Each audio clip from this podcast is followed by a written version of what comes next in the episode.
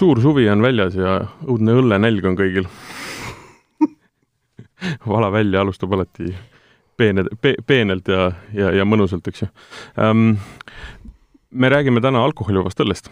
Ja me räägime alkoholivabast õllest kahel põhjusel, esiteks sellepärast, et äh, mõnigi nendest on läinud päris heaks ja siis äh, väiketootjad on hakanud tulema turule oma siis äh, jookidega, kus on kui mitte vähem siis, siis null koma viis protsenti alkoholi, noh kuigi tegelikult neil ei ole üldse alkoholi sees, tippa ikkagi on. no ja kolmas põhjus on ka, miks me saadet teeme alkoholivabast õllest, sest minuga juhtus traagiline alkoholivaba õlle intsident.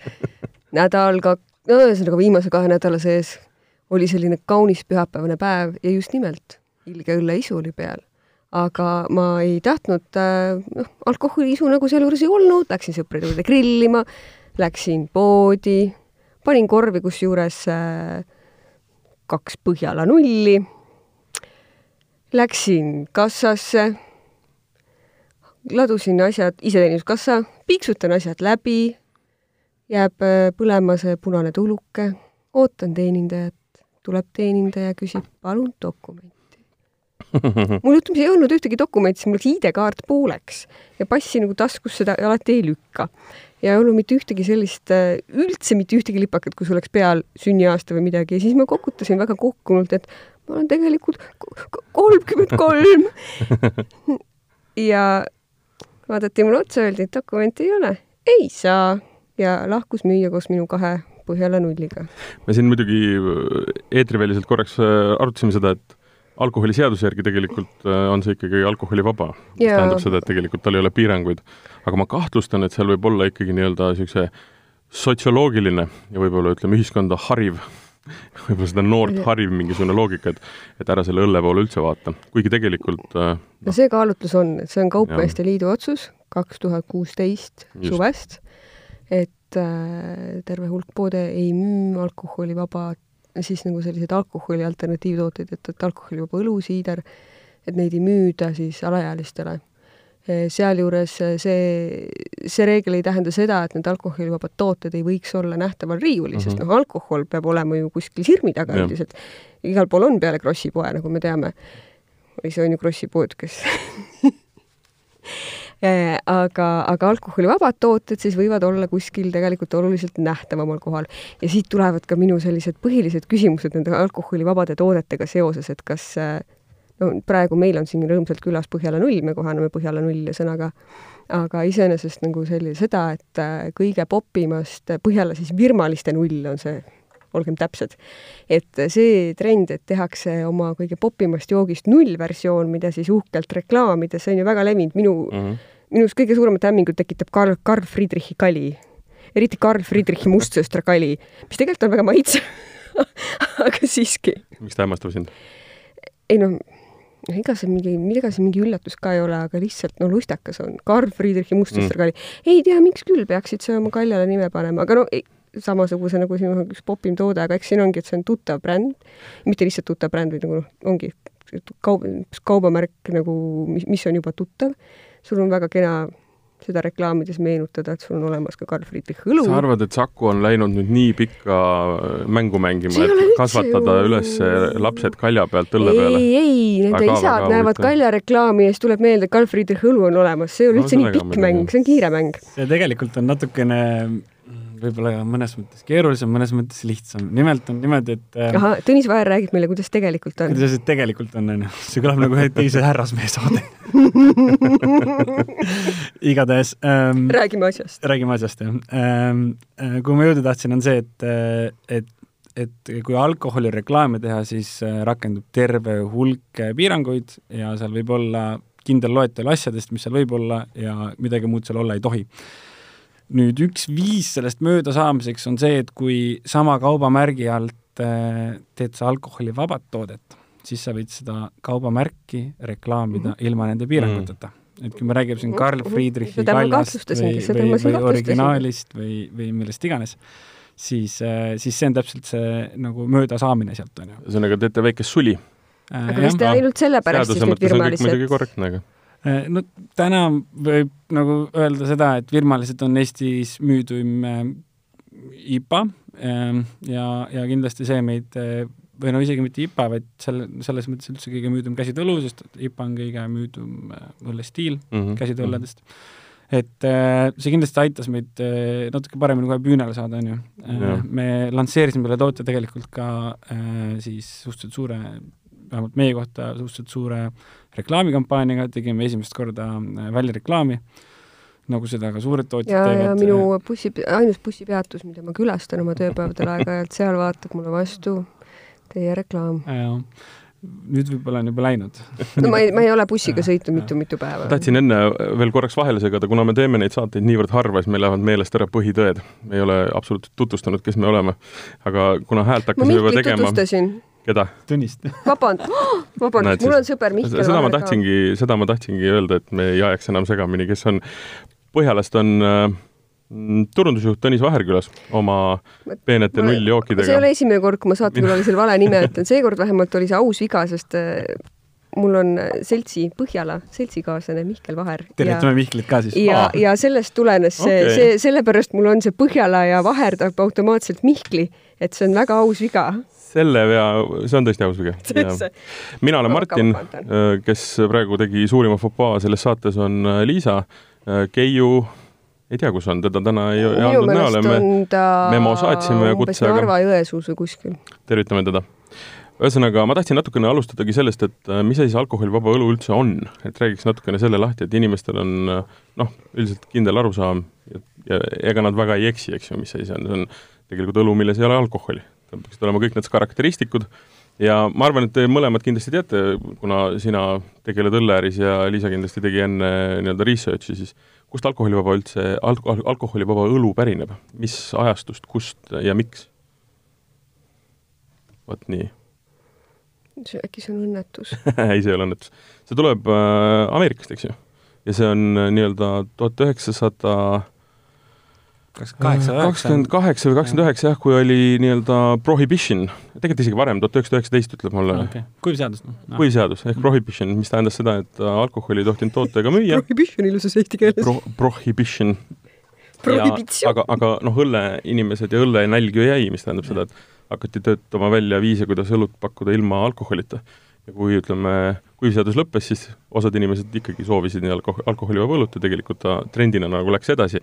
ja ta on nagu läbi selle sajandi olnud mingil hetkel populaarsem, siis jälle allapoole käinud, ma ei tea, kas Nõukogude Liidus meil Eestis tehti alkoholivaba õlut, ma tõesti ei tea seda, kui keegi teab meie kuulajatest, saatke vala äh, at delfi.ee, see oleks tõesti põnev teada. tõenäoliselt oli Arvan, see et... sel ajal kali ja pastöriseeritud kali isegi lõpus, on ju, mis, mis selle nagu niši augu ära täitis võib-olla ja ega siis see nii-öelda see vähem joomine jäi ainult sloganiks mm -hmm, Nõukogude ajal mm -hmm, veel paraku mm. -hmm. aga noh, et minu, mul on niisugune tunne, et on nüüd viimase niisuguse ka üldse, üleüldse maailmas toimuva mingisuguse niisuguse joogi äh, revolutsiooni ja ütleme, väga niisuguse brändide ja maitsete ja kõige selle laienemise nagu keskel tegelikult te tegemas uut nii-öelda niisugust äh, comeback'i. ja seda kindlasti, jah, et äh, noh, me räägime isegi siin noh, ma ei tea, seedlipi asjad on ju, alkoholivabad džinnid ja nii edasi ja nii edasi, on ju. Et äh, meil siin ka, siin Euroopa Liidu need erinevad äh,, erinevad asutused, kes koguvad ja ennustavad statistikat, siis nemad näevad ka alkoholivaba õlle turule päris äh, suurt tõusu mm. -hmm. ma olen nüüd muidugi hariduselt jurist, nii et ma võin korraks ära rääkida, miks see alkoholivaba õlu, meil alkoholivaba õlu Eestis on ka, on ju, et lihtsalt alkoholide puhul eristatakse seda, et õlu ja muud kääritatud joogid ja õlle puhul on siis oluline see, et ta on linnastest või viljastest kääritatud mm -hmm. ja et seal siis on humalad ja eh, siis alkoholi piiriks alkoholivabal õllel ja alkoholi ka õllel on siis null koma viis protsenti, muudel kääritatud jookidel on selleks piiriks üks koma kaks. et, eh, et eh, noh, siit me saame siis kätte, et kuni null koma viis kääritatud, võib-olla pastöriseeritud, ei pea olema pastöriseeritud mm -hmm. ja et Humala linnas seal sees peaksid olema. no jook ilma veeta ka ei tee, on ju. ja, ja, ja noh, ütleme see, et põhilised viisid, kuidas alkoholivaba õlut teha, on noh, laias laastus kolm-viis, eks ju. Äh, kõigepealt on, ja millega tegelikult alustati, äh, kui alkoholivaba õlu nii-öelda maailma tekkis, oli see, et alkohol lihtsalt keedeti välja sealt. ja keeleti, keedeti lihtsalt mulinaga välja, aga selle probleem on see, et samal ajal noh, muud, muutub tema maitse, muutub tema sisu ja kaob ikkagi väga-väga palju sellest õllest endast. ja siis sealt tuleb see veel alles mõnda aega tagasi levinud arvamus, et alkoholivaba õlu on üks kohutav lake jah Ähm,, siin on just nagu see probleem, mis võib-olla annab siin käsitöö väiketootjatele annab nagu eelise, et et see väljakeetmine on midagi sellist, mida tegelikult ma arvan, et ega Eestis ükski väiketootja täna ei suudaks teha ka ähm,.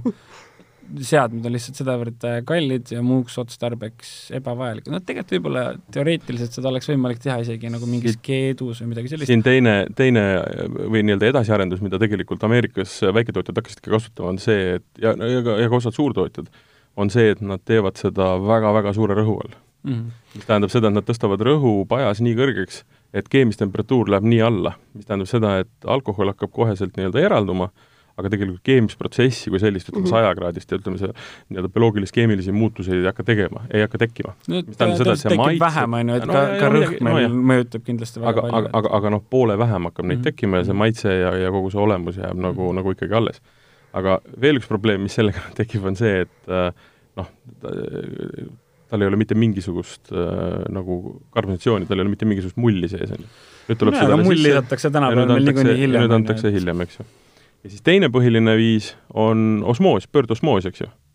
ma saan aru, et äh, teie enamus nii-öelda tootjaid tegelikult äh, vee ju lasevad läbi nii-öelda filtri, eks ju. tegelikult vist Eestis väiketootjatest äh, pöördosmoosi selleks, et äh, siis äh, saada siis põhimõtteliselt profiiltu vesi või mm. -hmm. ilma mineraalideta vesi, kui hiljem mineraalid lisada, minu teada kasutame ainult Põhjala mm., eks meie ja Kolk, et jaa. Haapsalus väidetavalt ei ole ka mm -hmm. vesi suurem mhm. asi, et, et õlut teha. ühesõnaga, see on põhimõtteliselt siis ikkagi ülipeen sõel, kust jõuga surutakse see vedelik läbi ja ta on nii peen sõel, et ta laseb läbi ainult vedelikku alkoholi äh, ja midagi veel selles mõttes, et äh, ja kõik see nii-öelda see maitse ja püdelama osa nii-öelda, mis on see, mis teeb õllest õlle, eks ju, põhimõtteliselt jääb nii-öelda selle filtri taha või selle sõela taha siin on niimoodi, et pöördosmoosi me kasutame ikkagi nagu vee töötlemiseks enne pruulimist. ja aga, aga ma räägin nüüd, kuidas alkoholivaba õlut saada. On veel üks, on see, see versioon jah, jaa, ühesõnaga jah Jah. ja., põhimõtteliselt äh, on võimalik äh, jah, rõhuga päris palju välja ikkagi sealt äh, Ja saada siis-. Aga no eks seal tehakse juba kõva eeltöö sellega ka ära, et seal sees ei oleks enne liiga palju alkoholi no absoluutselt muidugi, aga, aga ja siis ongi niimoodi, et ühele poole jääb niisugune siirup või niisugune püdelam osa, teisele poole jääb vesi ja alkohol ja muuseas see vesi siis, või see alkohol destilleeritakse sellest veest välja, et see vesi tegelikult ise pannakse ka tagasi puhtalt sellepärast, et tema mingi keemiline karakteristik on ju tegelikult olemas ja siis saad sa selle õlle. aga ma eksin, kui ma ütlen, aga see on üsna kallis protsess. Jaa ähm,, mul ei ole isegi tegelikult ausalt öeldes aimugi, kui kallis see on, et, et äh, kindlasti see ei ole midagi sellist, mida tõenäoliselt vähemalt Eestis täna ükski mm. -hmm. väiketootja teha tahaks.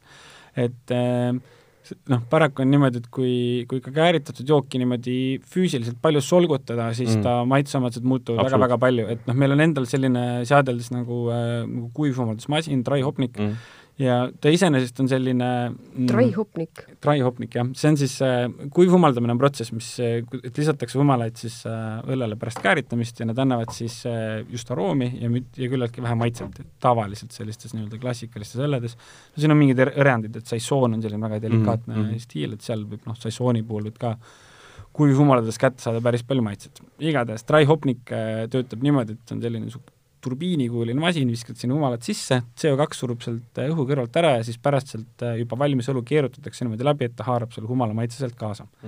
mis me nüüd oleme siis avastanud, et vastavalt sellele, kui kiiresti me keerutame õlut selles dry-hopniku sees mm. -hmm. me saame erinevaid humala maitseid. ehk siis ja need, need pöörete vahemikud ei ei ole isegi niivõrd palju erinevad, aga et äh, teatud pöörete juures me peksame need humalad äh, palju murusama maitseliseks kui näiteks mm, -hmm. kui ajame taga näiteks hoopis mingit puuviljasust või mida iganes. et äh, isegi selline kerge füüsikaline nii-öelda yeah. mõjutamine noh, mõjutab väga-väga palju maitset, et kui me räägime siin mingisugustest filtritest mm., pöördosmoosidest ja asjadest, siis me isegi ei, ei kujuta ette, kui palju sealt maitset kaduma läheb, on ju, et äh, kas humalat saab peksta murumaitseliseks? No niimoodi meie need eh, noh, me inglise keeles kutsume seda nagu sensory panel, et eh, niimoodi meie siis nagu sellised sensoorsed testid ütlevad ja et, et, et põhimõtteliselt, et kui, kui me nagu seda toorainet eh, natuke vihasemalt kohtleme, siis, siis eh, need maitseomadused muutuvad jah, ja mitte alati soovitud eh, suunas siis.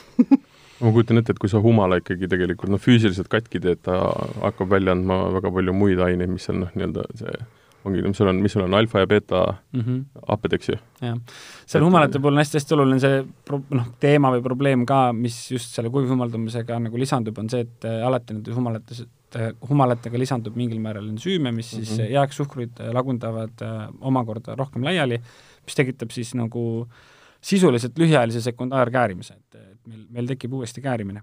ja, ja noh, see on omaette nagu mm -hmm. probleem ka, et, et et, et nii-öelda nii, ka selle füüsikalise mõjutamise kui ka siis juba keemilise mõjutamise läbi tegelikult me mõjutame siis selle õlle nagu ähm, käärimisprotsessi pikkust, kangust, nii edasi, nii edasi, nii edasi. ja nüüd selleks, et me seda noh, õllemaitset võimalikult vähe, eks ju, äh, kannataks või noh, põhi, äh, põhimõtteliselt tuleks välja see, mida tegelikult tahetakse, eks ju mm. -hmm. siis ma saan aru, on kolmas viis, mida, mida ka teie kasutate, on see, et äh, ta algusest lõpuni tegelikult õlu tehakse nii, nagu õlu tehakse, aga lihtsalt kasutatakse nii linnaseid, selliseid linnaseid, mis tegelikult annavad väga vähe suhkrut välja, eks ju no ma korraks siin ikkagi ütlen ühe asjaga veel vahele, et siin on ka, siin on ka üks selline viis, mida kindlasti paljud suurtootjad kasutavad oma null koma nullide puhul, on lihtsalt mm -hmm. nagu noh, võib-olla võiks öelda tuima panemine, on ju, et mhm. et sa teed sellise vähesega suhkruga joogi valmis, mis võiks, justkui võiks käärima minna, aga siis sa pastöriseerid selle läbi ja no siin on juba küsimus, kas tegu on õllega, on ju, aga noh, kes seal ikka nagu näpuga näitab enam. ta on nii madala suhkrusisaldusega, sa tegelikult seda enam ja. ei maitse, see et peidetakse humala ja. taha ära ja, ja tegelikult ongi mm. kõik nii. suhkrune lake, on ju, ja mm, -hmm, ja tegelikult mm -hmm. no siin äh, ma Eesti kohta ei ütle nagu, ei oska nagu öelda, aga välismaa isegi osad käsitöötootjad on teinud siis niimoodi, et need tegelikult isegi ei käärita seda õlut, vaid teevad nagu näiteks haput alkoholijoovat õlut mm, -hmm. ehk mhm. siis kasutavad ainult piimhappebakterit selle jaoks ja siis kummutavad selle uuesti läbi teevad nagu kettle sour'it. et see on ka nagu üks variant. väga võimalik, jah. aga, aga no see ei ole niisugune klassikaline ja, õlu, eks ju? jah, jaa, absoluutselt. et ja kui me tuleme tagasi selle meie õlle juurde, siis me tegelikult kasutame selle oma virmalised nulli puhul täpselt sedasama pärmi, mida me kasutame siis virmaliste puhul, ehk siis see pärm on tegelikult äh, meie, meie, mõnes meie teises õlles äh, käärib kaheteist poole kraadi peale, vist teoreetiliselt isegi natuke rohkem läheb välja, aga ütleme noh, kaksteist pool on see, mida me sedasama pärmi, mille jaoks me ka kasutame, et, et, et mis, kuidas see siis töötab, on niimoodi, et igal pärmil on on siis selline erinev võimekus erineva siis komplekssusega suhkruid lahustada, noh, polüsahhariite. ja, ja siis me põhimõtteliselt arvutame väga-väga täpselt välja, et milliseid suhkruid see pärm suudab ja milliseid suhkruid see pärm ei suuda siis lagundada ja seeläbi me anname talle siis neid suhkruid, mida ta suudab lagundada küllaltki vähe ette ja äh, ja siis, siis see alkoholitase jääb küllaltki madalaks. no selle konkreetse partii puhul me teame, et selleks kanguseks on null koma kolmkümmend viis protsenti. et äh, meil sildi peal muidugi ilutseb null koma viis, on ju, äh, me oleme väike tootja, me iga kord mõõdame selle üle, on ju, aga no see on ikka niivõrd peen värk, et äh, lihtsalt võrdluseks, et kui me teeme, kui me teeme näiteks kuueprotsendist õlut, siis äh, sildil olevast äh, võib olla kangus pluss-miinus null koma viis protsenti kui me mm -hmm. räägime üle seitsme protsendi kangusega õllest, siis seal võib olla pluss-miinus üks protsent. et kui me nüüd räägime siin sellest, et null koma null, null kuni null koma viis protsenti, et see on tegelikult ikkagi väga-väga väike vahemik mm -hmm. ja, ja seal ei ole seda eksimusruumi, on ju, et mm -hmm. sellepärast meil see null koma viis seal ilutseb, on ju, et äh, võib-olla tuleb mõni päev null koma neli, null koma nelikümmend kaks, mida iganes, aga alla null koma viie me alati hoiame mm -hmm. ja seda ise mõõdame iga kord. aga ühesõnaga, ikkagi on natuke teistsugune nii-öelda humala retsept, eks ju? pärmi või, või mis sa mõtlesid, linnas, linnas li,? vabandust, linna, linnas. jaa, absoluutselt, absoluutselt, et et just, et me peame siis neid nii-öelda lühikesi või kergelt ja. käärivaid suhkruid kasutama suhteliselt vähe selles mm, -hmm. pikemaid siis noh, nii-öelda protsentuaalses mõttes rohkem, et tegelikult see õlu ei ole meil magus, et siin on ka mitu teemat ka, et minu jaoks vähemalt alkoholivaba õlu ei tohi olla mm, liiga magus, sest ta on -hmm. lääge, ma ei saa mitu tükki neid juua, mul noh, päris ruttu viskab ja, ja, ja see ette. on alkoholivaba õlle puhul nagu sage, see sage, et tegemist ja. on äh, tavalisest, ütleme, et kui, kui ka tegemist on mingisuguse just nimelt nagu tuntud brändi mm -hmm. siis nullversiooniga, siis see tihti on lihtsalt väga palju magusam. jah, ja teine viga, mis teha saab muidugi, et on, et seal on liiga vesine, on ju. et mm, -hmm. et no see on kirikeset küla teema natukene, et, et mis see nagu, mis see nagu õige on, on ju, et ma väga loodan, et me oleme selle õige tee nagu leidnud, noh, tegelikult saab seda alati nii-öelda äh, noh, talupojatarkuse või rusikareegli järgi selle läbi ka vaadata, et alkoholivabadel toodetel peab olema kirjas äh, kalorisisaldus mm. -hmm. et äh, meil on see kakskümmend üks, on ju mm,, siin üks äh, Ameerika suurtootja, tal on see mm, näiteks kakskümmend üheksa, äh, mis on ka selline, no ütleme, keskmine. et aga ütleme niimoodi, et see on selline mm, keskmine võib-olla, mis võikski olla, et seal vahemikus, et kui ta on alla selle, siis ta tõenäoliselt on vesine. muidugi seda mõjutab väga palju äh, äh, karbonisatsiooni ja nii edasi ja nii edasi.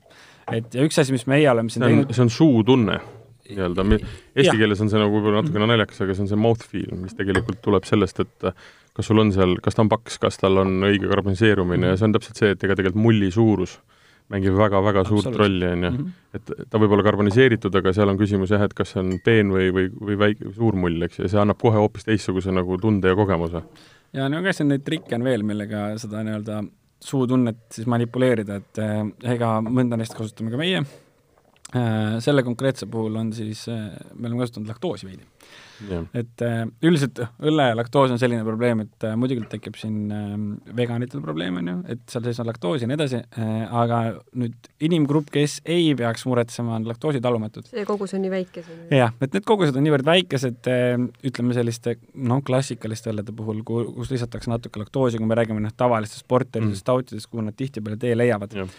Ma nüüd ei ütle nüüd sada protsenti, et kellelgi ei teki mitte kunagi seda probleemi, sest et noh, meil on praegult populaarsust kogumas selline pastry stout laine, mis tuleb noh, Ameerikast ja tegelikult seda laktoosi lisatakse tohututes kogustes ka täna seal ipadesse mm Mhm. -hmm. ja, ja hakkavad tulema sellised ähm, lahjemapoolsed äh, kaera äh, eilid, kuhu pannakse hästi palju laktoosi mida see, mida ta head siis ikkagi teeb?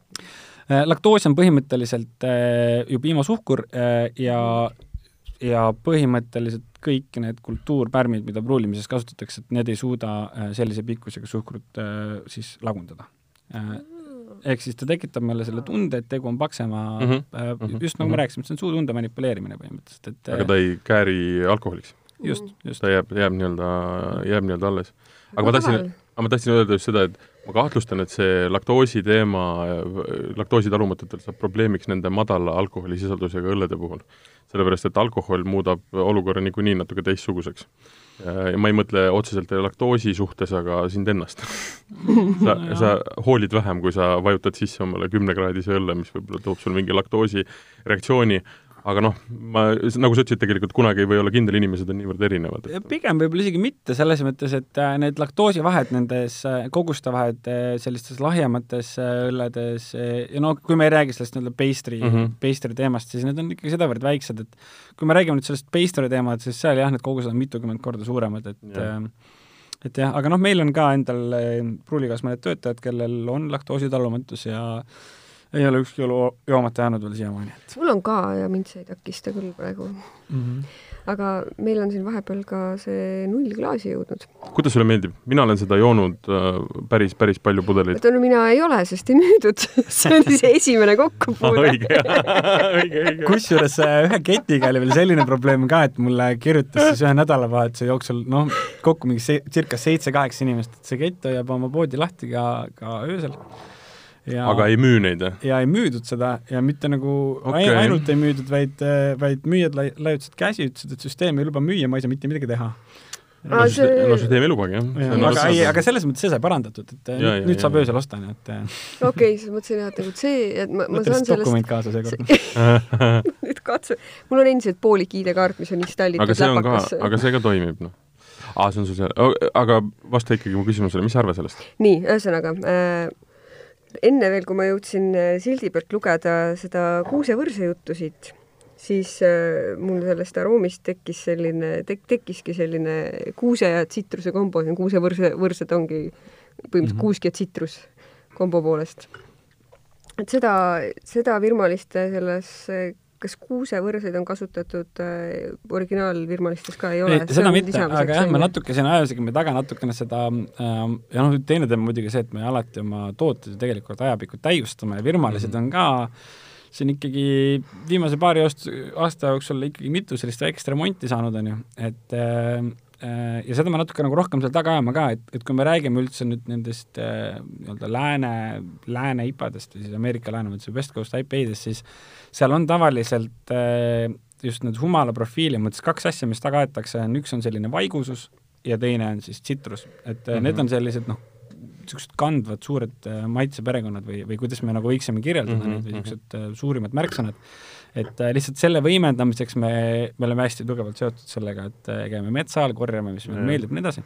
ja lihtsalt paneme seda õllede sisse, et, et äh, me arvasime, et see lihtsalt sobib sinna ja, ja, ja, ja mulle endale isiklikult on nagu väga-väga meeldib see mm, -hmm. et ähm, tundub ka, et see, see aroom ja seda nagu maitses ka tunda, et see on selles mõttes ja, sobib ja. väga hästi. see mõrkus on, kuna see on alkoholivabale õllele omaselt, minu arust on, on siis nagu äh, esimeses maitses on esim-, esimene, kõik, mis sa nagu alguses saad, siin on palju rohkem maitset ja siis jätk läheb, ütleme siis õhemaks noh, või noh, ütleme, et hästi... see järelmaitset ei, aga see on, see on üldiselt alkoholivaba no,. järelmaitse, see on kerge mõrkus, aga, aga jah, kerge mõrkus seal on, aga kindlasti on see ju ka, on, on see on natuke see, kuhu need täna need IPA-d liiguvad ka üldiselt, kui me oleksime viis aastat tagasi joonud mingit suvalist IPA-d, siis meil oleks äh, olnud, äh, no siis oli see, mida rohkem, seda uhkem, on ju, mhm. et äh, need ibud olid hästi-hästi kõrged ja, ja, ja see lõpus domineeriv maitse mm -hmm. oli alati noh, paigu lakkumine põhimõtteliselt. aga, aga see on mõnusalt kerge jook. sest vaata, inimesed kõik on... kipad on läinud täna nagu tasakaalukamaks mm, -hmm. et sul ei ole nagu lõppmaitses enam see mingi noh, männikäbi on ju mm. -hmm. jaa, mul on väga hea meel selle üle, et, et vaata, inimesed on, käbi ei pea enam juba. inimesed on oma maitsetes ja maitse-eelistustes hästi erinevad, minul on jah see, mina olen eluaeg ja sellepärast ma näiteks osasid viskisid ka saa juua ja ja mingeid jooke on see, et äh, ma tahan, et see maitse oleks nagu tugev, omane, äh, võimas ja ta noh, tehtud niimoodi, nagu ta olema peab, aga siis ma tahan, et ta siva nagu ära läheb seepärast, et mm -hmm. ma tahan midagi järgmist võib-olla sinna vahele, noh et et seesama, et ta on õudselt pikalt sul humalane või mõru või, või täpselt see nii-öelda mhm. käbi, on ju, et see mulle ei ole kunagi meeldinud, mis tähendab seda, et see nii-öelda väga-väga kõrge ibuga ipade joomine mul üsna siva kadus ära. sest see ei ole, sa kõnnid ringi veel kaks päeva hiljem ja, ja vuntsis ja, ja siis ja. suu taga on nagu selline nagu sa oleksid käbisid närinud tõesti, et noh, et sellel ei ole nagu minu jaoks ei ole see nagu vaimustav, aga on väga paljud inimesed, kellele tegelikult see on nagu veel hästi-hästi oluline, et ta hoiaks niisugust pikka ja järgmiste mingite asjade mm -hmm. lisandumisel, kas sa siis sööd sinna vahele või võtad mingi järgmise joogi, et ta lisab neid layereid, et iga, inimesi on väga erinevaid, eks. aga üldiselt teema, sul on jah õigus, et nad lähevad nagu lahjemaks ja, ja halvemaks. jah, rohkem tasakaalukamaks mm -hmm. lihtsalt, et, et siin ei ole ka ainult nagu see, et, et humalaid on vähendatud või hakatud nagu vastutustundlikumalt kasutama, vaid siin on ka tegelikult natuke see, et et mängitakse ka natuke suhkrutega, sest et see, kuidas me tunnetame mõrkust, see on tasakaal siis nagu mõrkuse ja magususe vahel, on ju. mis ma tahtsin korraks nende nii-öelda viis aastat tagasi mõrudad ipadide juures öelda, et et mida tihtipeale ei äh, nagu teadvustate endale, on see, et äh, ütleme niimoodi, et nagu sensoorselt paneb inimese maitse veel kuskil saja viiekümne peal nagu pildi kokku, et mhm. äh, noh, kotti, et vahet ei ole enam, kas on sada viiskümmend või kakssada viiskümmend, on ju. sa räägid nüüd äh, ibust, ibust, International Bitterness Unit. jah, noh, rahvusvaheline mõrudusindeks võiks Eesti keeles öelda, ja, ja, ja siis siin omaette teema veel see, et ma lihtsalt vahele toon, et inimesed saaksid natukene aru, mida see tähendab et äh, Saku originaal, mida on tõenäoliselt enamus eestlased joonud, see on umbes kümme-viisteist, eks ju mm,? seal vahemik, jah. ja siis me räägime nüüd, sa räägid saja viiekümnest, eks ju, ja kahesajast ja no Premium on kaksteist ja vist, vist Saku Ele vist on ainuke, mis on kakskümmend üks. firmalised on äkki kuskil viiskümmend, me ei kirjuta peale. aga jällegi, me, miks me seda peale ei kirjuta, on see, et enam see, ei kirjuta. sest et see ei ole tegelikult nagu oluline. ei ole tegelikult oluline, tõesti. just sest et see on alati see tasakaalu küsimus, on ju. aga kui ma tahtsin selle oma aga see tuli, tead kuidas või? see tuli siis, kui alguses seda õlut äh, nii-öelda tohutu kuradi buum hakkas pihta, sellepärast et sellest niisugusest lurrist oli kõigil siibel, mis tähendab seda, et hakati nähvama kõigega erinevate humalatega üles-alla, dry hop, äh, ma ei tea, mhm. seal vahepealsed erinevad retseptid olid nii keerulised ja õudne, ja siis oli vaja siia peale kirjutada, sellepärast et oli mingi väga suur kontingent, kes ostis õlut puhtalt sellepärast, et kui sa talle mingi uue litaka panid, eks ju.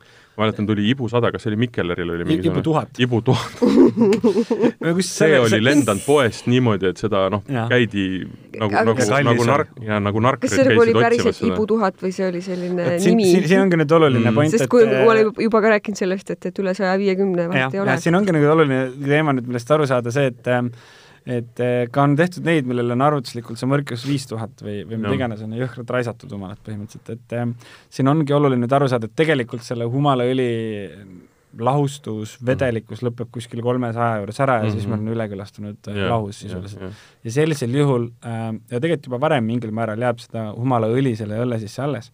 ja mida rohkem see nüüd arvutuslikult on, eks see Ibu tuhat oli ka arvutuslikult, on ju tuhat, et äh, et siis tekibki see, et sul jääb limas kestade juurde õli, sa pesed ilusti hambad ära, sa ärkad hommikul üles, pesed uuesti hambad ära, sa sööd kohvi ja sul on ikka seesama maitse suus, on ju. et äh, ja, ja noh, ma ausalt öeldes sellel nagu väga palju mõtet ei näe, on ju, et ja, ja, ja suund ongi läinud täna sellesse, et õnneks keegi nagu sellele enam väga mõtet ei näe. aga noh, iseenesest väga lahe õlu noh, teha nagu nii-öelda kontseptsioon, turundus, kõik väga-väga kõva on ju, et ja kindlasti ühe korra soovitan kõikidel proovida. aga ma isegi ei tea, kas seda täna enam nagu saab no seda ma ei tea, aga ausalt öeldes ta seda mingisugune ma-, maitseelamus ta nüüd ei olnud, aga ta oli selles mõttes põnev, et saada teada, mida see tähendab. aga lisaks maitseelamusele on ka muud laadi elamusi, on ju. absoluutselt, jah. Aga no ma ütlen, et ma mäletan, poodidest kadus ta niimoodi, et äh, käisid, küsisid, siis räägiti, et äh, jumal, hommikul pead olema kaheksast valvel, kui mm. -hmm. enne, kui pood avatakse. no ma isegi ei mäleta, et aga ta oli omal ajal ikkagi väga-väga kallis ja nagu Jah, IP jah, võib-olla enam jah, kõige kallim, et äh, Nõgne ja, ja, ja yeah. Mikkel olid ikkagi kallimad ja siis nende seast ka kõige kõigem on. aga sellest ähm, nii-öelda comeback'ist või, või, või alkoholivaba õlle uuest tulemisest rääkides on äh, tegelikult ju noh, ütleme, ta on äh, üks kõige suurem ja võib-olla olulisem niisugune kandja selles on tegelikult sport olnud väga paljuski. Sellepärast, et alkoholivaba õlut on hakatud nii-öelda isotoonilise joogina kasutama ja, ja ta on olnud ju- väga populaarne väga paljudes, paljudel aladel, kuni isegi kas Saksa koondise peaarst kasutas nende Just, suusatajate Saksamaal on üldse see, ütleme, et äh, joogina, mida pakutakse No näiteks jooksuvõistlusel, rahvaspordiüritusel Ja, on see, meil on ka praeguseks, aga Ja, et alkoholivaba õlu on juba nagu tükk aega väga tavaline asi, aga, aga nüüdseks on meil ka, et et mitte, et ma ise oleksin suur maratooner, maratoniga tegeleb mu õde ja siis ma olen olnud rõõmus rajaäärne ergutaja, aga, aga kui ma temaga näiteks viimati Riias maratonil kaasas olin, siis äh, lõpetuseks, nii, lõpetuseks käis ikkagi, anti seal kõigile õlunäppu, kes vähegi ja selle arsti nimi oli Johannes Scherri, on Scherr, kes oli siis jah, suusakoondise arst. ja tegelikult see loogika on õige, et äh, tal on, Saksamaa suusakoondise arst annab õlle näppu et tal on äh, tegelikult kalorid on sees, ta üsna kiiresti imendub, aga tal on antioksüdante palju, mis tähendab seda, et äh, ta alandab nii-öelda põletikunäitajaid, mis tegelikult äh, pikamaa-aladel on hästi lihtne tulema. ja Ja, ja vitamiin, siit suur üleskutse, et jooge siis meie õlut, siin on see ibu kõrgem, antioksüdandid tulevad humalatist, nagu aga, aga meil ei ole reklaamsaade. ei ole. Aga noh, kui on vaja, on ju, siis aga- me saame selle, humalasem me saame variant on. selle eest ainult õlut. aga no näiteks Saksamaal Erdingeri tootja, Erdingeri õlletehas tegelikult ju müü-, ongi konkreetselt ikkagi täiesti jõuliselt ennast äh, hakanud nii-öelda selle alkoholivaba õllega sporti minema. Eestis seda ne- nii palju veel ei ole. kui sa vaatad näiteks laskesuusa-, no on jah, aga aga kui sa vaatad laskesuusatamist näiteks talvel, siis Mhm. Erdingeri õllereklaamid on igal pool, eks ju. ja ma mäletan, mõned aastad tagasi vaata kui hästi sobiks suusatamine, suusatamine, ei, me ei saa suusatamisega midagi. mõned aastad tagasi, mõned aastad tagasi olin täitsa üllatunud, kui tulid kuskilt äh, sü- südatalvel jõusaalist ja vaatasid jõusaali siis kassas, kus tavaliselt müüakse igast isotoonilisi spordijooke, oli järsku õlu.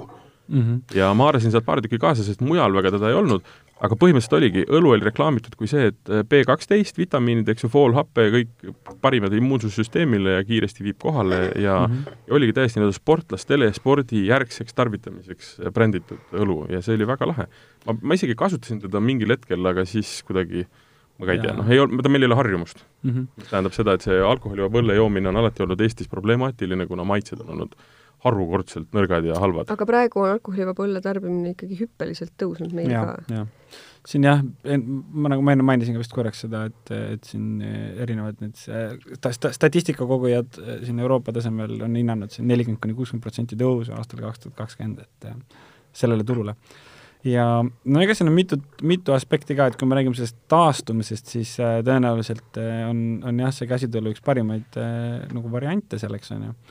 Ja et ta nagu täiesti naturaalne ka, see on kindlasti teine teema ja no mis nüüd meil siin Eestis noh, veel ütleme, et ei ole pigem jõudnud, mõned üksikud näited on, on siis äh, mis on nagu sellest spordist inspireeritud, on siis see seltseri teema, on ju, et, et äh, mis on muidugi ka nagu selline mm, väga polariseeriv, eriti USA-s on ju, et osad mm -hmm. pruuligad ütlevad, et põhimõtte pärast seda ei tee ja teised nagu on läinud sellega kaasa ja teevad just huvitavate, põnevate maitsetega, mille, mille siis äh, nagu background või, või see nagu plaan või kust see tulnud on, on see, et, et olidki need kaloriviilijad, kes jäid algselt siis mullivett, on ju, ja, ja siis panid sinna lihtsalt keemiat, et mingit maitset saada, et see maitseks paremini.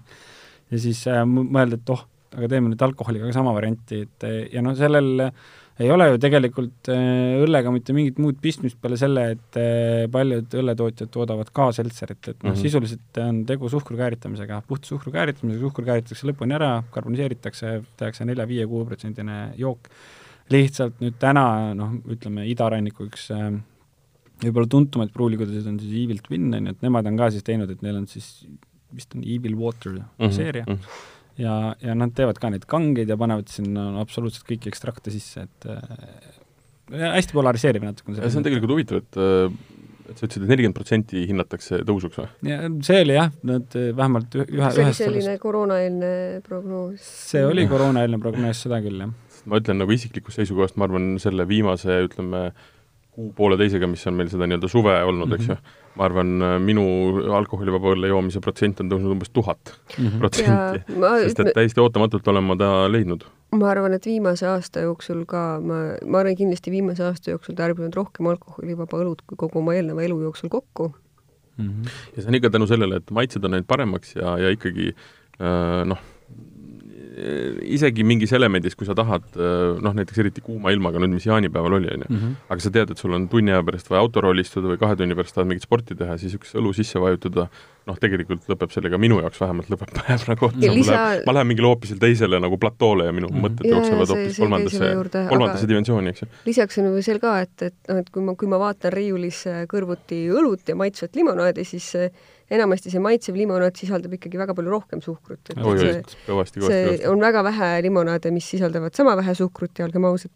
kus on rohkem suhkrut, need maitsevad palju paremini limonaadi puhul, aga mistap siis äh, on see alkoholivaba õlu juba sellepärast tihti esimene valik. ja mis tegelikult on pull, äh, on ju veel noh, mis on absoluutselt sada protsenti kindel nii-öelda võimalustes ja, ja selles, kas need joogid on tegelikult olemas ja kas nad maitsevad hästi.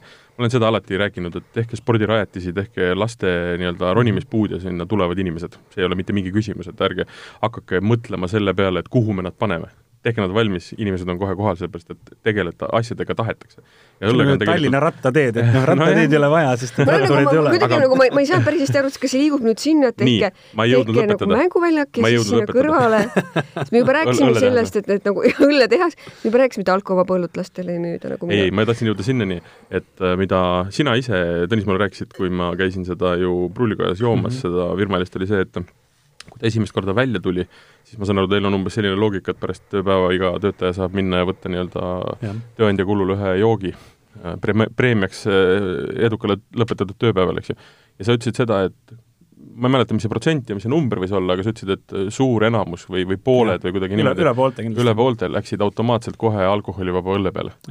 mis tähendab seda, et noh, see, selles on A mhm. turgu ja B tegelikult inimesed tahavad väga head õlut aga noh, kohe ei taha nagu nokki jääda, sellepärast et kui kell viis lõpeb tööpäev, siis äh, on veel mõned asjad äkki teha.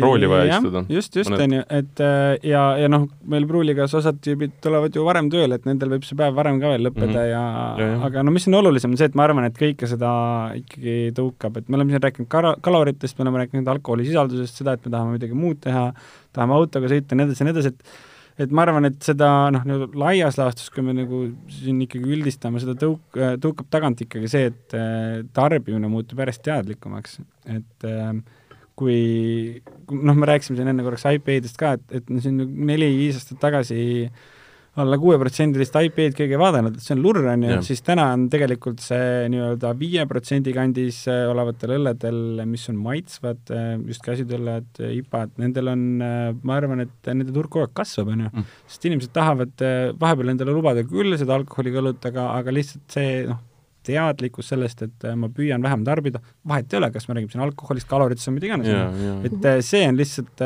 järjest rohkemate inimeste teadvusse jõudnud kusjuures mulle tundub, et umbes kümme aastat tagasi oli õllekäsitlus see hoopis, et kui sa ütlesid, et alla selle on lurr. Saku Vele kokk on ju. et siis, et mulle tundub, et kümme aastat tagasi oli käsitlus, et alla nelja koma viie promilli on lurr. jaa, just, just, just on ju. mitte, et sa oleks joonud siis nagu Suur... kümnest pokki, aga ja. alla nelja koma viie promilli on suured lurr. debatid, et nagu premium neli koma seitse, et see on õige õlu ja neli koma neli, mhm. see on mm. nagu täielik lurr on ju, et või, või ja, ja või mingi, sul mingi kolme koma viie, no mis asi see veel no neid isegi ei olnud Eesti turul, olgem ausad. mingi, et mingi hetk tekkis, aga see, see ilmselt, see vist ka ruttu kadus. jaa, just aga see põhjus oligi see, et ega seal ju maitset ei olnud või mingit lisaväärtust ei olnud. Ja kui sa nüüd inimeselt, kes on õlle ostnud, lähed, võtad null koma kaks protsenti nii-öelda alkoholi ära, muidugi noh.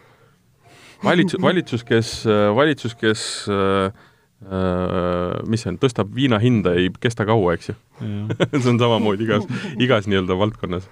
aga ähm, äh, mis ma tahtsin veel, ma tahtsin midagi väga huvitavat alkoholivaba õlle kohta öelda me aga mul ootame läks, see meelest ära me oleme suured kõrvad. aa, ma tahtsin äh, kommenteerida tegelikult seda, et äh, ja see oli ju ka päris, päris palju aega tagasi, just see aeg, mida sa just rääkisid nende väga kärtsude ja kangete õllede puhul mm. Mhm. -hmm. konkurent Lehe tuli välja Väike Indiaga, mis oli ju kolm, kaks koma seitse. kaks koma seitse Mhm. ja noh, see oli absoluutne hitt. see lendas ikka sellise hooga nii-öelda massidesse. just sellesama pärast, et noh, nats nagu ei tohiks, aga põhimõtteliselt võid autoga ka sõita. Ta Mhm. oli null koma kolm, ta oli kerge, ta oli väga hea maitsega, ta oli tõsiselt hea maitsega mm, -hmm. sest noh, see kaks pool on ju mingi selline piir, kus see päris õllekeha on veel täiesti olemas, on ju. ta ei ole selliseks Mhm. vedelaks läinud, sest sorry, ma ütlen, see null mulle väga meeldib. Mhm. ta on selline, mida võib juua ühe, kaks, kolm pudelit ja Jaa. ta ei hakka vastu, olles nüüd peaaegu pudeli jagu ära joonud seda, see on väga mõnus. aga noh, ta on vedel ikkagi. ta on ja, ja see on täiesti arusaadav, see on täiesti arusaadav. see ei hakka vastu, aga noh, mingisugune piir on see, kus sa saad need äh, päris õlle nagu karakteristikud ikkagi veel säilitada. et noh, et noh, kui me siin Kõike saa võtame selle kaks koma seitse, nagu ma ütlesin, siin on null koma kolmkümmend viis on ju, siis alkohol teadupoolest võimendab kõiki maitseid on ju, et, et noh, ma ei tea, võtame näiteks portveini on ju, et äh, päris suur vahe on on ju, mm -hmm. et äh, ja kui me ütleme nüüd selle null koma kolmkümmend viis ja kaks koma seitse on ju, mis tuleb kaheksa korda rohkem on ju, et äh, seal on seda võimendavat osa siis kaheksa korda rohkem. põhimõtteliselt see on, see on ikkagi, alkoholisisaldus on mingil määral väga-väga oluline. aga noh, sul oli see käsitlus sellest normaalsest kehakast õllest, et tegelikult veel äh, võib-olla üks nišk, kuhu me veel ei ole jõudnud, et hapud või me ei ole jõudnud nagu Eestis turg, et hapud õllede osakaal ju tegelikult äh, on nagu aeglaselt, aga ikkagi pidevas kasvus, et äh, kindlasti jõuab ka kätte nagu see päev, kus äh, meil on need äh, kaheprotsendised hapudõlled olemas, sest et no seal tõesti ei ole väga-väga palju vahet, et kas õlu on kolm pool või kaks pool ju, Mhm, või kaks on ju, et, et Jaa, jaa. kui ma nüüd mõtlen, siis selline pisike tootja nagu Juhus Tabiverest kunagi tegi niisuguse õlle nagu hapuaktsiis Mm -hmm.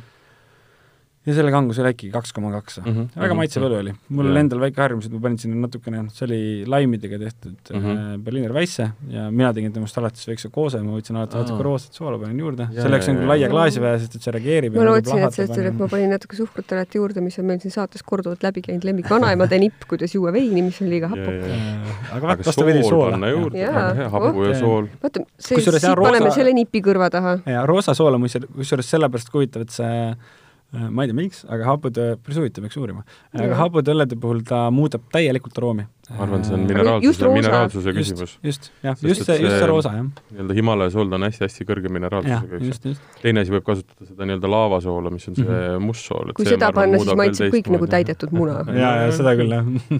ma ei tea, kas no ma väävlit tahaks sinna nagu sellesse hapuldasse. aga no kööse on täitsa eraldi stiil, see on, tehaksegi, koose. koose jah. jaa, see on see kõige levinum viga koose ja kööse sassi koose jah, et sul on ähm, hästi, ta on ikkagi hästi happeline, tavaliselt eh, koriandriga, kas originaalis vist on ka koriander koosele jah, ütleme Ja niimoodi, et see ei ole nagu äh, absoluut sool. must, aga jah, sool ja tihtipeale koriander ka. happesool ja me tugevad oleme minu maitsed. lemmik, lemmikkoosluste aga samas ta on, samas ta on nisuõlu, ta on hästi niisugune pehme ja, ja kreemias ja, ja, ja hästi hapusool, nisuõlu. ja, ja me kunagi tegime teda vist korraks ka šampanjapärmiga, et saada ülipeen mull sinna Mhm. sisse mm. -hmm siis ta läks täiesti kolmandaks joogiks, et äh, ja Astel olen Pajuga joonud vist see oli küll natuke kange, ta oli seitse protsenti või?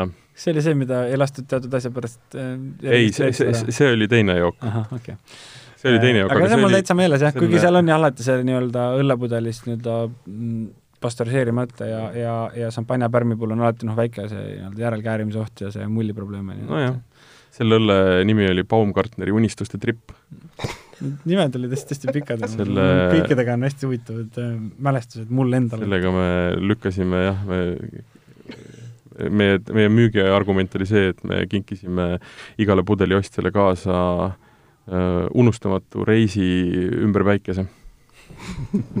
see kestis kolmsada kuuskümmend viis päeva ja inimesed said registreerida. aga okei okay,, aga tegelikult ma tahtsin äh, alkoholivaba õlle juurde küsida veel teise asja ka veel, on üks äh, ütleme, jook, mida meil ju veel ei ole minu arust üldse tehtud, on äh, nii-öelda laitõlu ehk et see nii-öelda kalori, kalorivaba ja, ja mis on tegelikult USA-s ju meeletu trend, ma ei tea, ta nüüd vist hakkab vaikselt kaduma, aga niisugune kaheksakümnendate lõpp, üheksakümnendate eriti olid noh, ikka täielik noh, ilma ei olnud võimalik. et see protsess on ju veel täitsa omaette ja ma ei tea, ma tahtsin küsida, et teil ei ole mõelnud seda, et või, või ei ole turul vajadust või? Võib-olla ei ole jah siin nagu turul vajadust, need asjad ikka, mis on kuskil Ameerikas popinud, jõuavad meile maru pika vinnaga. Ja ja mõnevõrra võib-olla seda nišši ikkagi täidab, või noh, selles mõttes, et, et ma arvan, et meil täna selliseid kaloriviilijaid veel ei ole äh, ja ma arvan, et seda nišši ikkagi mingil määral täidab siis äh, noh, nende pilsnerite tulek, et pilsner on, noh, kõikidel väiketootjatel on enam-vähem pilsner olemas täna, on ju, ja pilsneris on tegelikult äh, küllaltki madal kalorsus mm, -hmm. on ju, uhke õlu, rumalane, eriti kui me räägime Tšehhi pilsneritest, on ju et ma arvan, et enam-vähem selle täidab see ära, on ju, ja, ja noh, kui me nüüd räägime sellest noh, laidist, siis äh, või noh, me võime isegi rääkida sellest Ice-tüüpi õllest, on ju, et kui, kui me veel natuke edasi veel läheme, siis meil üks suur, ühel suurtootjal on, on ju, ja ja noh, paratamatu sellel stiilil on niisugune nagu kleepekas küljes, et seda mm. müüakse maailmas, ma ei kujuta ette, kuuskümmend, seitsekümmend protsenti terve õlleturust, on ju, et kui vaadata nagu top kolm õlut, mis maailmas äh, mahu poolest on, on ju, siis äh, need on kõik seda nii-öelda ice-tüüpi õlled, maitsetud lurrid, on ju. sa mõtled siis? noh, Snow on number üks, on ju, mhm. et äh, keskmine eestlane võib-olla ei olegi kuulnud, kunagi joonud, on ju, et noh, ei ole vaja ka. hea küll, hea küll no nad on jah hästi, hästi kerged ja malbed ja maitsetud, aga, aga ja. õlle, õlle nii-öelda kategooriasse nad kuuluvad absoluutselt jaa, ega, ega ei olegi midagi öelda, et, et, et see ei ole õlu mm. -hmm. igatpidi on õlu, absoluutselt, et tooraine on õlu, pastöriseeritud, madala humalasusega, madala suhkrususega mm. -hmm. ei, mina olen, ma olen selles mõttes, ma olen alati seda öelnud, et et mind drive ib alati ainult maitse mm. -hmm. ja, ja see, mis elamuse ta mulle annab, eks ju, et ma ei ole kunagi olnud mitte ühegi joogi vastane, lihtsalt alkoholivabad õlled on olnud kohutavad siiamaani mm -hmm.. niisugused äh, sidrunise järelmaitsega, mis tuleb tegelikult ju noh, tuleb, tuleb sellest linnasest ja sellest suhkrust, eks ju jah, seal on no. isegi tegelikult me, kui noh, kui nüüd ausalt rääkida suurtootjatest, eks seal on ekstraktid ka sees. no ekstraktid, eks ju. ja tal on niisugune nagu järelmaitse ja vesised ja magusad mm -hmm. ja kõik niisugune, mida sa ei taha tegelikult õllest saada ja siis lõpuks sa lööd talle käega, jätad auto koju ja jood nagu päris õlut. ma, ma tegelikult mõnikord mingit A Le Coq'i purgikat ostan, aga ma nagu seda austes ei, ei mõtle selle nagu õllesisaldusele ja, seal. et selles mõttes, kui vaadata seda nagu mingit limpsi, siis on ju hoopis teine asi. et, et ma jah, ma tõesti ei mõtle sellele, et see on nagu alkovaba on... õlu huvitav tõesti, et vot see jah, stigma või mitte stigma isegi, aga see lähenemine peaks muutuma, et alkoholivaba õlu ei ole mitte nagu äh, töövahend selles mõttes, et, et äh, mingites olukordades, vaid ta on jook. Ta on täiesti, see ongi see, mida me joome, et ja, ja, ja ta peab muutuma selliseks, et kui ma istun kellegagi lauda, siis keegi ei tee suuri silmi, et ma joon alkoholivaba õlut, eks ju. ma arvan, et see on natuke juba noh, möödas ka. eks ta läheb, jah. aga need, no siin on ka mitu asja, et kui me räägime siin nagu alkoholivabadest õlledest, mis on siin varem turul, me peaks nagu vahet tegema sellest, mis asi on need limonaadid, kuhu on midagi lisatud, on ju, mhm kui me täna olime poodi, siis need ekstraktidega tehtud äh, vaarika, sidruni Va, ja, ja vaarikas, sidrun, mida iganes. pomelo, mida iganes, on ju, et neid maitsed on nagu mustmiljon, on ju, ja nendel ei ole selle päris toorainega peale selle nimetuse eriti ja, pistmist kui on. ma ostan seda, siis ma tõesti ei mõtle selle õlle osale seal, see on lihtsalt see sildi peal, aga siis korraks limonaadi kategooriasse on mm -hmm. ju jumala tore limps on. jah, no okei okay,, tore limps on, aga siin ongi see minul teine probleem, et jõhkra keemia maitsega limps on. ja, ja ma ostangi seda, mul mõnikord on ilgelt nagu keemia maitse isu. ja ei, see vaarikaga just, et mul on nagu mingi vaarika ja vaarika keemia maitse isu on mul mõnikord. mikrofon nägusid edasi ei näidanud, eks ole. Need näod, noh, ütleme siin olid Krimas grimassid. korra aastas sõpradega kokku saades äh, või? ei on, on, on mul ka tunne ja tahtmine ja tõesti nagu isegi võib-olla vajadus ka üks kosmos või, või mingisuguseid neid õudukaid juua mingite vanade aegade mälestuseks, aga mm. aga mm. just, aga see tunne kaob momentaalselt pärast esimest lonksu ja siis on jälle täpselt ja siis on jälle aastaks nagu rahu majas, siis hakkab jälle kripeldama, aga mitte sellepärast, et neid jooke tahaks, aga võib-olla mingi sotsiaalne nostalgia. nostalgia, mis jälle jõuame sinna, nostalgia on kõikide, kõige, kõikide maitsete juures oluline komponent. no ei no vanaemadel on siiamaani seesama nostalgia, sa rääkisid suhkru lisamisest veinile, on ju. kuidas see õlu vastu on võetud? kaua ta nüüd turul on olnud äh,? kella pealt vaatad? kella pealt, kuupäeva vaatan äh, mais, mais tuli välja, jah. paar kuud ühesõnaga niimoodi rahvli? jah et äh, küllaltki hästi, et meil on äh, no, päris korralik kampaania on. jah, aga... see selleks on, aga no eks me ikka vaatame, mida seal nagu arvatakse, et mm -hmm. ja, ja, ja no ikkagi küllaltki nagu polariseerimisel, mingis mõttes on ju mm -hmm., et äh, mõned sellised ikkagi õllemaailma nagu autoriteedid äh,, väga oluliste poodide pubide pidajad ütlevad, et noh, teil on parim Eesti käsitööõlu, on ju, või et mulle meeldib rohkem kui Mikk Elleri Drinking in the Sun, mis noh, mm, võiks öelda, et võib-olla täna on selline noh, latt, millest üle hüpata või, või kuhu sihtida, on ju. et ähm, ei, see on ka, see on ka hea õlu, millest hüpata. minu, noh, see on individuaalne, mulle väga see õlu maitseb, aga mm. siin on see suur vahe, et seda drinki nende sannid on nii see õlu, ma ei suuda seda kahte juua. mul noh, ikkagi läheb läägiks okay, ja nisu kätte ära, onju, aga, aga ma räägin, see on väga individuaalne ja ma arvan, ma kaks suudan nojah, võib-olla kaks on nagu absoluutne lagi, onju. aga see on nagu individuaalne ka, vaata, et mis, miks sul seda õlut vaja on, kas sa nagu saad kellegagi korraks kokku, tema joob mingit muud asja ja, ja sina jood ühe alkoholipõlle, lähed minema, onju. Mhm. et jood seda nagu palaval päeval kohvi asemel või midagi sellist mm, -hmm. või siis sa lähed sõpradega välja ja mõtled, ma joon nüüd kuus, onju. noh, mõtlesin, et mhm. kuue jooksul mul tekkis tõsine probleem, noh, ei jaksa joomata aga, aga seda näiteks saab ju, aga kui sa tahad puid lõhkuda, noh siis, siis nagu see ka nagu hästi-hästi töötab. aga samas meil on mõned, kes on öelnud, et no mulle üldse ei maitse, vaata, et uh, mulle ei meeldinud, vesine oli, mida iganes, on ju. et uh, noh, midagi ei olegi teha, on ju, et okay. maitsed, maitsed on erinevad ja eks me nagu saame sellest aru, on ju. et päeva lõpuks ühe õllega kõiki maailma inimesi ei saa äh, nagu ära rahuldada ja ju seda on proovitud teha ja sellepärast see Snow ongi maailma müüdim õlu, on ju et meil on ikkagi plaan äh, või mõte teha alati sellist õlut, nagu meile endale meeldib ja mm -hmm. sellega me oleme rahul, noh, Snow'ga ei ole, on ju. et äh, noh, nägu, nägu peab olema veits selles mõttes mm. -hmm. nojah, siis. minule meeldib see. ja teda saab isegi mitu-mitu juua järjest. mulle ka.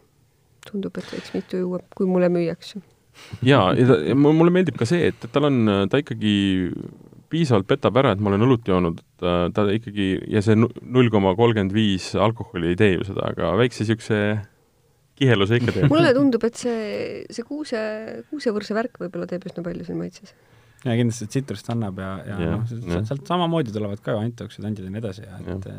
Me ikkagi korjame värskelt teda, hoiame nagu jahedas, et äh, kõik need maitsed on seal alles, et need ei lähe kuhugi lehku sealt. ja ta oma humaluselt on ikkagi piisavalt kõrge, et ta sobib väga hästi ikkagi teravate toitude juurde kindlasti, jaa, absoluutselt. ja, ja, ja, ja nagu seal, seal seesama, see nii-öelda kuusevärse tsitrus aitab ka nagu mm -hmm, kõvasti kaasa mm, -hmm, et mm -hmm. Ma olen ka suur vürtsikatoidu sõber. Mm, -hmm. no ühesõnaga karri kõrval oleks ideaalne. peaks minema karrit sööma. täpselt, minek. Väga hea.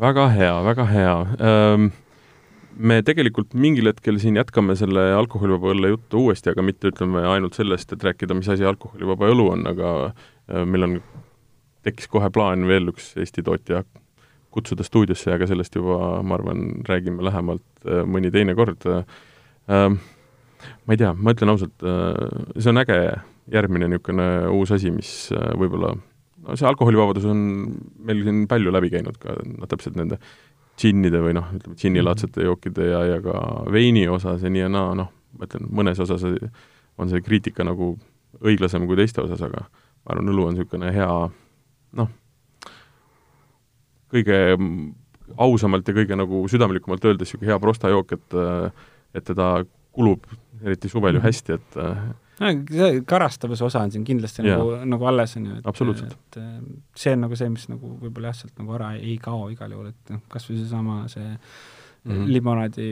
versioon sellest alkoholivabast õllest, et mingi karastavuse efekt tal kindlasti on, on ju mina soovitaks äh, inimestel minna lihtsalt poodi ja, ja natukene veel, nüüd täna kõikide uute nii-öelda tulijate mõttes ka ju, ja ka tegelikult maale tuuakse erinevaid ja ka suurtootjad on tegelikult pannud pudelisse mõne päris okei okay. mm. juba, juba nagu, nagu alkoholivaba õlle, et minge äkki vedage lihtsalt üks valik koju ja tehke ise test, et äh, tegelikult sealt leiab, ma arvan, igaüks endale ühe mingi niisuguse nii-öelda alternatiivi äh, ka saunaõllele, ka ütleme lihtsalt niisugusele peoõllele ja tehke endale suur-suur teene ja jahutage need enne ilusti maha. ja kuulake meie saadet ja siis äh, vaadake, mida me teeme Facebookis ja kirjutage, joonistage meile, vala välja, vala.delfi. vala.delfi.ee. ja, ja. mina olin Martin ma olen endiselt Liisa. ja mina olin Tõnis kes on äh, kes ei ole Mihkel kes ei ole Mihkel, aga kes on äh, Põhjala Prüllikoja turundusjuht. ja järgmine saade on meil äh, väga põneval teemal, mida me tegelikult ükskord vist välja lubasime, me lähme hakkame uitama Eesti veiniteel. tuleb oh. paar Eesti äh, kohalikku veinitootjat külla ja räägivad, et äh, mis see tee on ja kuidas seda teed kõndida, sest et äh, need veinimajad on tegelikult üle Eesti laiali, enamasti huvitaval kombel Pärnus ja Pärnu ümbruses Pärnumaal mm. -hmm. aga ka meie siin Tallinna ääres on mõned, kes tegelikult erinevatel aegadel on meil ka saates käinud, aga nüüd me leidsime kaks täiesti uut. veiniteel võib kohata mitmeid inimesi, kes no kui teil laua ääres jälle vaba auk on, siis öelge mulle, onju. jep, jep. no jah.